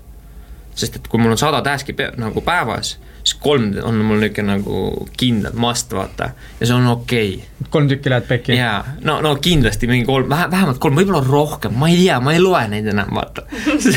sest et, sest et, sest et äh, äh, mis on lahe, on see, et nagu meil, et see on okei okay eksida, vaata. Nagu peaasi, et see, et sa lahendad nagu neid pro-, noh, et, et kui sa eksid, siis sa tunnistad seda ja sa lahendad selle ära. That's it nagu, sina vastutad kuidas nagu Velvet kirjeldab seda kui osa nende kultuurist või, või kuidas sa tead, et see on seal okei okay?, miks see on seal Suhtle, okei okay?? suhtlemine inimestega, juhtkonnaga, arendusjuhiga, sa vaatad nagu noh, ütleme niisugune asi, et, et ähm, ähm, mingi projekti tähtaeg on ju, sa lubad kellelegi, sa lubad äh, kliendile, et sa saab selleks ajaks valmis, on ju. sa saad kontrollida selle projekti vältel Mm, noh, ma enda puhul saan kahte asja kontrollida, et mul nagu panus oleks korras ja noh, ütleme schedule ja panus on ju, et mu, et ma tegelen asjaga ja attitude ka selle juures on ju. et ma ei hakka mingit äh, asshole'i mängima ja siis äh, siis ütleme nendest vestlustest kooruski kuidagi välja see mõte, et mm, et eksimine on okei okay.? eksimine on okei okay., see, et sa jääd tähtaeg hiljaks, see, et sa pead mingi, pidevalt kogu aeg mingeid asju ümber tegema, see on okei okay,, see on protsess, sa sisuliselt ju ehitad teisi ettevõtteid. ja nüüd tekibki nagu, võib-olla ma panen ühe mõtte oma kallite klientide südamele, et et äh, nagu me anname iga päev endast parima aga on hästi palju asju, mida me ei näe ette, mida me ei saa kontrollida, mistõttu me peame nagu mingisuguseid ülesandeid, mingeid töid tegema nagu ümber nullist, on ju. meil kulub sinna meeletult palju aega jälle, äh, pluss ümberplaneerimised, äh, uued tööd tulevad pidevalt sisse, on ju, et, et see nagu kõik äh, võib tekitada kliendis tunde, aga minuga ei tegeleta, vaata mm. -hmm. tegelikult ei ole nii nagu see ongi kõige olulisem, et nagu sinuga kogu aeg tegeletakse, lihtsalt vaata, see, see tulemus jõuab võib-olla, nagu sellest arusaamine on esiteks raske ja sellest nagu tulemuse nagu estimated time of arrival on ju, et, et, et millal ma selle asja kätte saan. et see on ka täpselt niisugune asi, et, et nagu kliendil on mingi ootus ja me lepime kokku, et okei okay,, me anname endast parima, et me selleks ajaks valmis saame, aga me, me ei pruugi saada. aga kuidas sa kommunikeerid seda kliendile, sest ma näen seda, meil on väike videoproduktsiooni ettevõte ja asjad juhtuvad seal kogu aeg täpselt samamoodi yeah.. sa ootad mingit ühte tulemust, ütled selleks ajaks on käes, asjad juhtuvad nagu, siis võib-olla klient vaatab üle selle, loominguline töö talle ei meeldi, sa pead hakkama nullist pihta, aga täpselt mm -hmm. nagu sa ütlesid, uuesti, uued tööd tulevad ju kogu aeg peale, et kuidas kommunikeerida kliendile seda? Vot siin ongi see, et äh, mul on noh, nüüd, nüüd, nüüd mu tarkus on võib-olla see, et, et need mängureeglid juba alguses paika panna, et äh, mul juba on see kogemus või tunnetus olemas, et kui me näeme mingisuguse, vaatame mingisugusele projektile otsa, eriti veebilehed, sõbrad, veebilehed on ühed saatanast asjad nagu. tervitan Raiki siinkohal ka, meie arendusjuht mul, inimesed arvavad, et mis see veebilehe tegemine ikka on, noh. pildid ja nupud ja kastikesed ja natuke värvi ja seal, saad aru, see, see, see, et kui sa teed nagu, me oleme nagu praegu ühe, ühe, ühte kinnisvara valdkonnaga seotud äh, veebilehte teinud peaaegu et aasta aega. miks? sest et kogu aeg midagi muutus kusjuures see on niisugune väike tähelepanek, ongi see, et äh, kinnisvara, ütleme, ütleme, me ehitame, tahame siin täna ehitada maja, on ju, mingi torni või asja. ja siis on arhitektid üks pool, on ju, arhitektid teevad meile plaanid, kuidas mingid ruumid ja asjad hakkavad välja nägema. ja siis mingi kolme kuu pärast juba, kui töö käib, veebileht areneb, mingid värgid-särgid, on ju, ja siis ma pean, kuule muudaks, muudaks neid plaane, vaata. ja siis sa nagu hakkad jälle null nullist pihta, vaata siis tuleb see küsimus, et ah, kuidas me müüme neid asju, vaata, et nagu, nagu meil oli nagu see valmis, aga nagu tahaks muuta siin midagi, vaata, on ju. ja siis, siis sa saadki aru, et, et, et, et, et selliste projektide puhul on üliokei okay,, kui sa ütled kohe alguses ära. me ei tea, millal see asi valmis saab. ma tahaks sulle lubada, aga ma ei hakka nagu seda pead praegu pakule panema. sest et kui ma paneksin, siis ma ilmselgelt tulistan endale ise jalga ja äh, ja kõige lihtsam ongi võib-olla seda seletada nagu konkreetsete case'ide puhul, et kinnisvara puhul, et ilmselgelt võib tekkida olukordi, kus teie arhitektid muudavad plaane, on ju? Aa okei okay,, on küll, vot seetõttu tek-, võibki nagu olla, tekkida vajadus, kus me planeerime mingit lisaressursside jaoks, me peame mingeid asju ümber mängima bla, bla, blablabla, bla, kuni me siis mingi jõuame selle asjaga üldse hiljem valmis, on ju. ja jah mis on veel mingid mängureeglid, mis te paika panete enne? et üks on siis see, et ma saan aru, et hea, hea tava on nagu mingite projektide puhul siis kliendile otse öelda, et et kuule, sorry, et me ei ütle sulle praegu kuupäeva, millal see valmis saab, me sihime mingit perioodi, aga teie äris on väga palju muutujaid, aga mis on veel selliseid asju hmm.? Startupide puhul mulle meeldib seal nagu olla hästi niisugune kiire ja konkreetne, on ju, et äh, noh, nemad on esiteks kiired ja konkreetsed siis jällegi ma just fail isin ühe projektiga selles mõttes, et ma ei olnud, nagu ma ei suutnud tagada seda kiirust ja konkreetsust. et äh, mis juhtus? meil tuli praktikant ja siis äh, kodulehe, mit-, mitte sass, mitte sass, keda sa tead üks teine kutt oli noh, ja, ja asi jäi nagu, me räägime konkreetsest arendusfaasist, on ju ja see jäi kuskile toppama venima. Ja on nii piinlik olla nagu, nagu noh, ikka on sees halb tunne või. Aga siis sa järjest nagu püüad, püüad mingeid lahendusi leida, et, et äh, et see on juba nagu reaktiivne probleemide lahendamine. Ja ma ütlen ausalt, et niisugune äh, äh, reaktiivsus nende noh, versus proaktiivsus, on ju, see, kui sa oskad nagu mingeid asju ette näha, sa oskad mingeid samme juba ette ära kaverdada, see on meeletult oluline, see on nagu tõsiselt hea, kui sa suudad juba mingid riskid nagu elimineerida, vaata kohe alguses. et on see mingi, noh, ütleme, ongi näiteks, et mida ma oleks pidanud tegema seoses selle startup'i projektiga, ongi see, et, et äh, kuule, et äh, kuigi ma ei näinud ette, vaata, et meil tuleb see praktikant ja kes võtab konkreetselt selle asja ette, on ju. et äh, siin oleks võib-olla hea käik olnud see, et okei okay,, äh, jällegi, et nagu deadline see on ju bla, bla, blablabla, aga äh, kui nüüd see praktikant tuli, siis ma oleks pidanud ilmselt kommunikeerima konkreetsemalt seda, et kuule, me oleme praegu valiku ees. et äh, number üks, meil on olemas nagu vaba ressurss, aga number kaks on see, et äh, ta ei ole nagu kõige kogenum arendaja, on ju. kas see on sulle okei okay??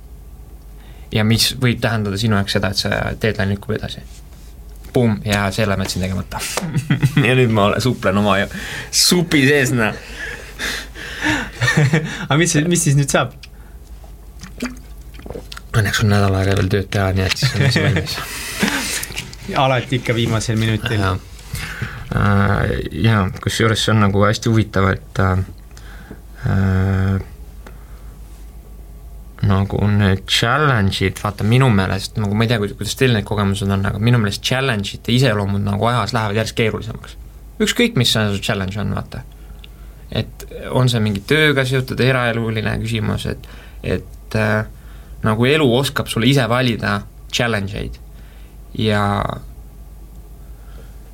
minu meelest need on nagu juba, mul on vahel küll niisugune tunne, nagu kuidas ma sellest jamast nagu välja tulen, vaata. ja, kas sa oled valmis lahendama suuremaid äh, probleeme? just, on ju, aga, aga nagu sa ei, kui sa ei teadvusta endale, siis on mingi, mis jama see nüüd on, on ju. Äh, nii et jah, et selle, selle, selle challenge itega on mul nagu oma niisugune story rääkida küll, et me Maarjaga tegime ka hästi palju nalja sellele, et siis kui me ütleme selle pooleteist aasta jooksul, et mured hakkasid umbes sellest pihta, no kas sa kalendrit oskad kasutada või? Maarja oli sinu mentor, eks mentor, coach, coach, äh, coach, äh, coaching on selle kohta eesti keeles üks sõna olemas, nii et meeletult kole sõna. Aga las ta olla, on ju. Äh, jaa, et, et Maarjaga me tegime poolteist aastat koostööd, tema oli minu ütleme siis müügitreener esimeses rollis ja te-, ütleme siis äh, kuskil poole peal me vahetasime suunda ja ma hakkasin õppima just ütleme, seda juhtimisfilosoofiat, ütleme seda seal taga. Äh, ja kusjuures üks lahe asi, üks väike vahelepõrge, et, et äh, ma tutvustasin Velvetile ka just Maarja nagu ütleme siis äri ja, ja üks meie produtsentidest läks nüüd tema programmi noh, ma, ma ei tea, kas Maarja nüüd tema coach'iks või mentoriks saab, aga aga ta on selles programmis sees ja minu meelest see on üliäge, et äh, inimesi tuleb parendada nendes valdkondades, eriti just müügis, et, et see on, tal on jätkuvalt niisugune paha maik küljes, on ju. et noh, kas sa, sa paneksid näiteks LinkedIni omale profiili sinna alla, et I m a salesman or I m, a sales girl või midagi niisugust, vaata. No, no niisama vist nagu naljalt ei paneks ilmselt. ma ei tea. minu meelest on see küll äge, näiteks kui sul on CV-s see raamat, raamatumüügi kogemus, et sa oled ikkagist olnud seal. ütleme, kui sa oled nagu, kui sa oled nagu Eesti ettevõttes, paneme selle Eesti konteksti, vaata, et lähed näiteks äh, ma ei tea mm,,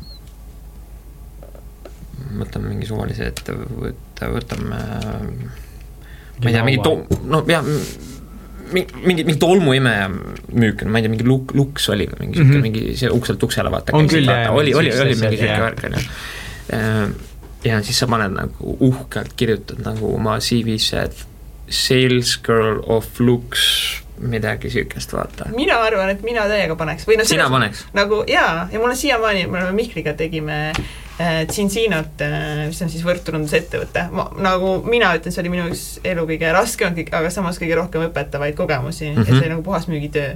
ja, ja ma olen see ma olen seda suht igal pool nagu pannud ka, et, et meie, noh, ma olen teinud suht palju müüki nagu ja, ja ongi võrkturunduse müüki teha ka niisugune asi, isegi mina panin selle CV-sse täiesti olemas ja ma, ma tegin kolm aastat seda täiskohaga peaaegu, et või mingi kaks või niimoodi, et ähm, Mm -hmm. jaa, paneks küll noh täiega noh, mis asja. jumala äge, vaata, lihtsalt, lihtsalt, lihtsalt nagu ma, noh, Maarja küsis seda täpselt samamoodi teistelt inimestelt ka, et nagu kuidas, kuidas tunne on, vaata.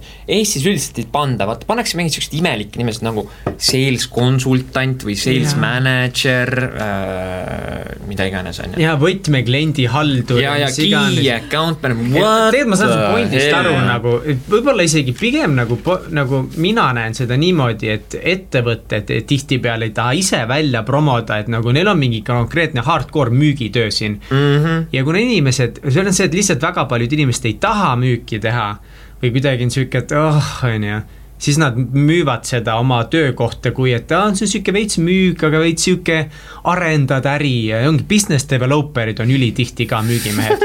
aga nad ei pruugi, aga ülitihti on yeah,. Yeah. aga need inimesed ise, mina arvan, et nad panevad uhkelt oma asjad CV-sse võib-olla, aga aga seal, see müük on eestlastele sihuke raske asi küll. tead, ma arvan, me oleme kuskil selle mõttetasandil, me oleme kuskil seal üheksakümnendates, kus me seal neid autosid müüsime ja mingi noh, kuule osta ära ja vaata värki-särki, et, et, et, et see, see, see kultuur kindlasti areneb, ma, mul ei ole kahtlustki, aga mul on meeletult hea meel, et sellega juba praegu tegeletakse süsteemselt, on ju. Et äh, see, see kvaliteet, see tunne, mis äh, sa kliendile jätad maha müügiinimesena mm, -hmm. see nagu noh, saad sa aru, kui keegi kirjutab sulle tänukirja, et kuule, sa oled lahe ja mulle meeldib sinuga koostööd teha, nagu come on, ma sulan, ma sulan lihtsalt noh. et, et see, sellest paremat tunnet minu meelest ei ole et see nagu näitab, et sa, sa, sul on nagu see service mind attitude on ju. et sa tegelikult ka tahad äh, hoolida sellest ettevõttest või kliendist, on ju. aga mis on asjad, mida teie Smariaga tegite, kui ta sinu coach oli? Äh, ma olin Scoros siis, kui me alustasime koostööd mm. ma alustasin, esimene ülesanne oli see, et me alustasime äh, minu kalendrist ja time management'ist, on ju. Äh, ma ei ole väga hea nagu sihuke kalendri kasutaja aga ma arvan, et ma olen sellest nagu keskpärasest, ma olen juba kindlasti üle, on ju. Aga mis mulle nagu meeletult meeldis ja mida ma väga respektin selle puhul, on see, et vaata, kui sõna visioon. kui palju tegelevad inimesed oma visiooni ehitamisega nagu mitte, mitte, mitte, mitte, mitte nagu noh, ettevõte, et igal ettevõttel on nagu üldjuhul see, et jah, meie visioon on see, et me tahame olla C-d, on ju. ja meie missioon on see, et me teenindame ägedaid kliente või whatever. aga miks inimesed ei tegele sellega, vaata. Mina ei ole nagu ammu, ma olen küsinud kusjuures inimestelt seda, et, et ja ma isegi Pocketloos juurutasin seda, et kuulge, et nagu teeks, teeme nagu igaüks vaata siukse oma visiooni niukse kir-, lahti seletuse, kirjelduse ja, ja, ja nagu see on okei okay,, vaata, see on teie isiklik asi, te ei pea mulle seda näitama. noh, inimestel on hästi raske nagu sellega kaasa tulla selle mõttega, vaata. ja ma tegelikult saan aru, miks sest et see on nagu sihuke nagu, millest sa räägid, vaata, see on mingi et nagu mis kasu ma sellest saan või, või mis see nagu väärtus siin taga on, on ju. Äh, seal on väga selge väärtus taga. sa paned ennast nagu rütmi, sa paned ennast nagu, nagu kuskile süsteemi ja sa põhimõtteliselt sul muutub valikute tegemine elus muutub nii lihtsaks. küsid lihtsalt selle, et no ütleme, ma ei tea, osta seda veepudelit siin laua peal või mitte, on ju. Kas see läheb mu selle visiooniga kokku? ilmselt läheb, on ju, no siis ma ostan seda. või kas see läheb mu mingi visiooni põhimõttega kokku, mingi teesiga, vaata. et Ottomar on, Ottomar tahab olla tervislik inimene, on ju. ja joob vett, on ju. no ilmselgelt siis see läheb kokku, on ju ja niisugused väiksed asjad, mis on, mida tegelikult, millega sa saad juba mõttetööga nagu mängida ja sa, ja sa tegelikult suudad ennast nagu, sa suudad ennast nagu keskpärasest nagu nii palju ägedamaks ja tugevamaks teha, et äh, jumal teab, mis on nagu, mis see tagajärg võib olla, et, et oledki varsti kellegi teise firma ärijuht, on ju no, mina ei taha olla kellegi teise firma ärijuht. sa tahtsid. sa tahtsid. enam ei taha.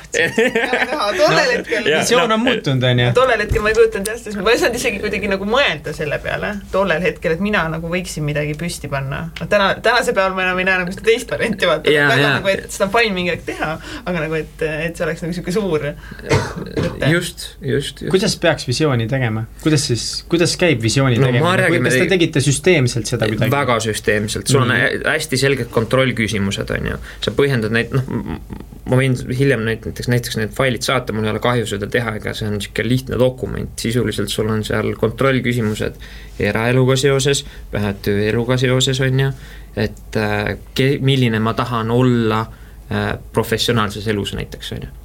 väga aus küsimus, milline sa tahad olla äh,? kellena sa tahad välja paista nagu eraelus, on ju, või noh on sul mingid visioonid, unistused, tahan sellist abikaasat, tahan sellist nagu perekonda, mis iganes, on ju. Äh, mida ma tahan saavutada, on ju, eraelus.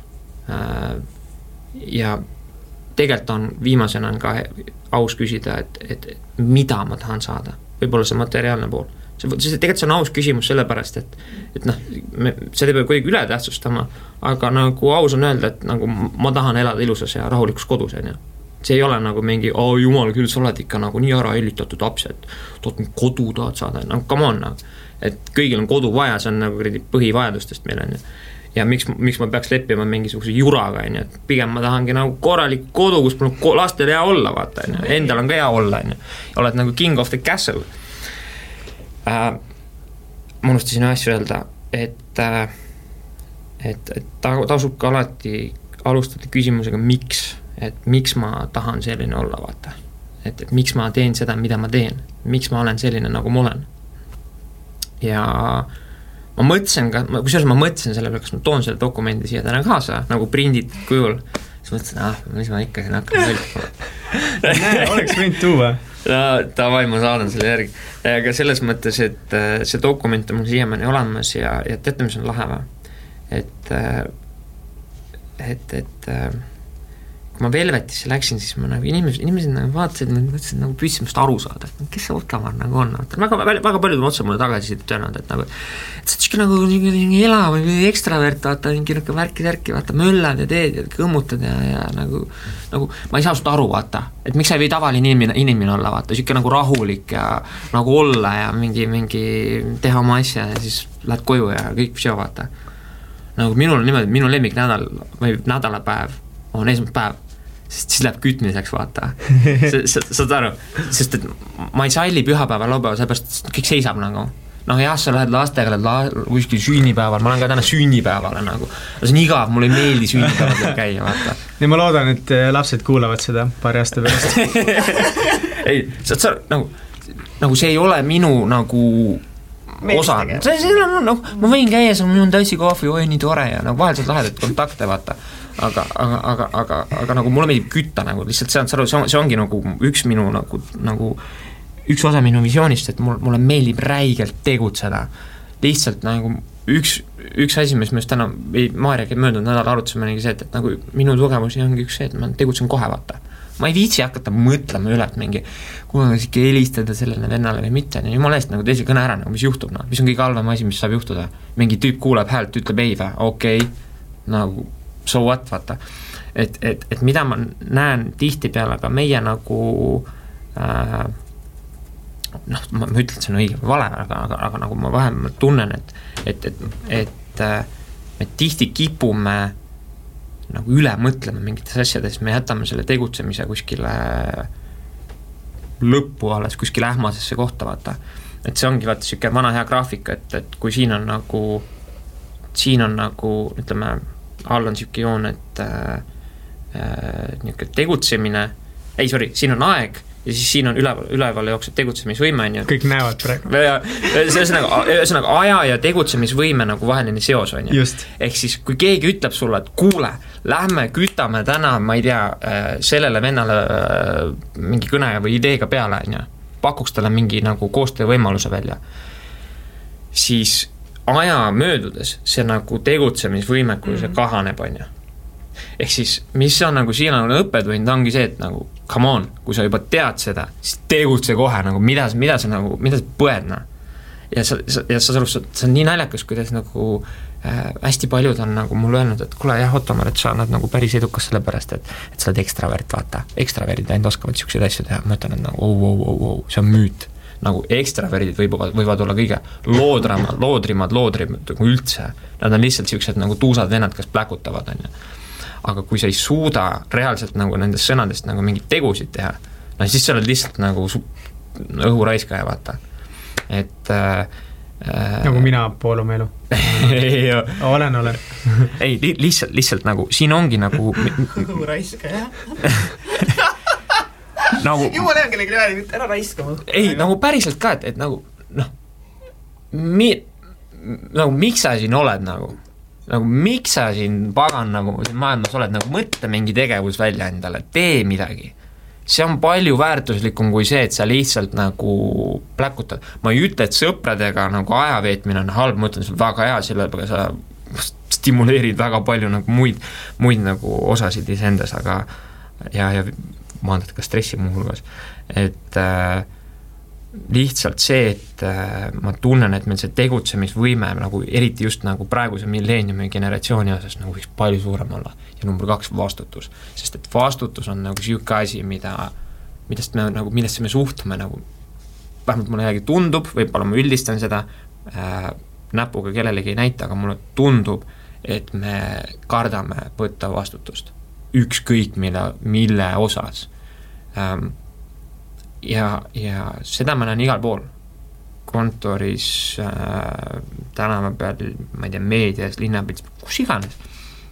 millal viimati ütles poliitik, ja mina vastutan selle eest, et ma keerasin salesse tuksi taga? Never. Never. mitte kunagi äh,.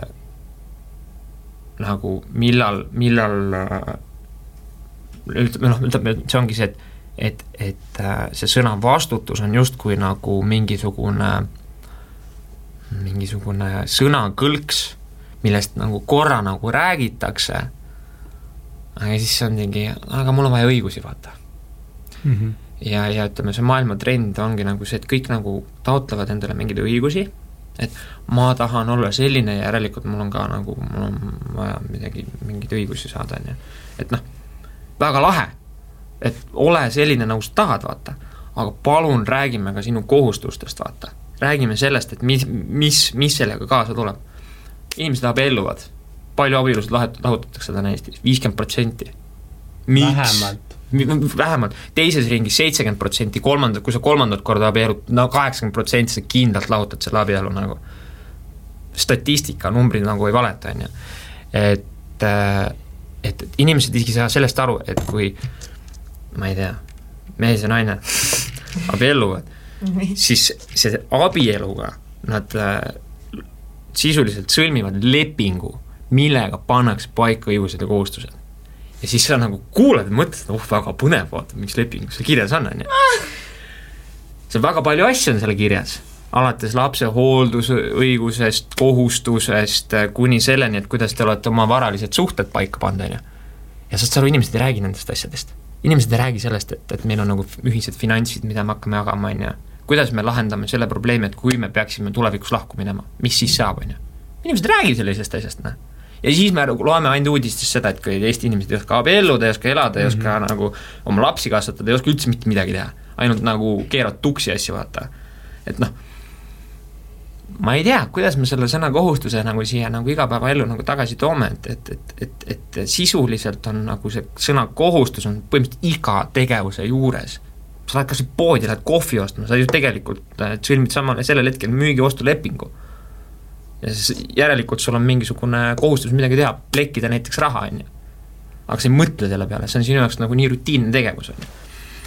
ja, ja see ongi nagu huvitav, et, et äh, et kui üks asi, mida, millega ma nagu viimase noh, ütleme lähiajal ja ütleme tulevikus ka kindlasti teha tahan, ongi see, et et äh, see niisugused, niisugused põhiväärtused vaata natukene nagu ellu äratada, ma ei tea, kuidas ma seda teen, ma ei have no idea nagu selles mõttes, et, et see ei ole nagu oluline praegu, aga oluline on see, et, et ma saan selle mõtte praegu noh, välja öelda, et, et ma tunnen, et see on minu jaoks oluline, on ju. vot, vot nii. kui sa rääkisid ennem äh, visioonist, siis mis on sinu elu visioon? no üks asi kindlasti ongi see, mis ma just rääkisin, et niisugune nagu nii-öelda praise ida või, või ütleme nagu mm, lähtuda mingitest selgetest printsiipidest, on ju, ja nagu noh, oma, oma, oma perekonna juures ka täpselt samamoodi kasutada ka neid samu põhimõtteid, et, et, et nagu me tulevikku vaadates me, me peame arvestama näiteks mingisuguste nagu, no me peame aru saama süsteemist, noh, on ju, number üks. aga number kaks, nagu minu visioon on alati olnud ehitada ettevõtteid nagu naljakas on see, et ma praegu teen seda. kuigi see, noh vaata, see on jällegi, see on, see on, see on see küsimus, et okei okay,, sa küsid nagu müüriladuja käest, et mis sa teed. ma laon müüri, on ju. number kaks, teine, tuleb teine vend, mis sa teed? ma ehitan lossi, vaata. on ju, midagi muud, on ju. ja tuleb mingi number kolm, ma teen nagu maailmale niisuguse teenet, ei kujuta ette, vaata. suhtumise küsimus. ehk siis tegelikult jah, mina, mina nagu olen justkui tüüp, kes vahendab või on nagu klientide ja Velveti vahel aga tegelikult ma tunnen, et ma ehitan iga päev ägedaid ettevõtteid, vaata. Attitude'i küsimus, on ju.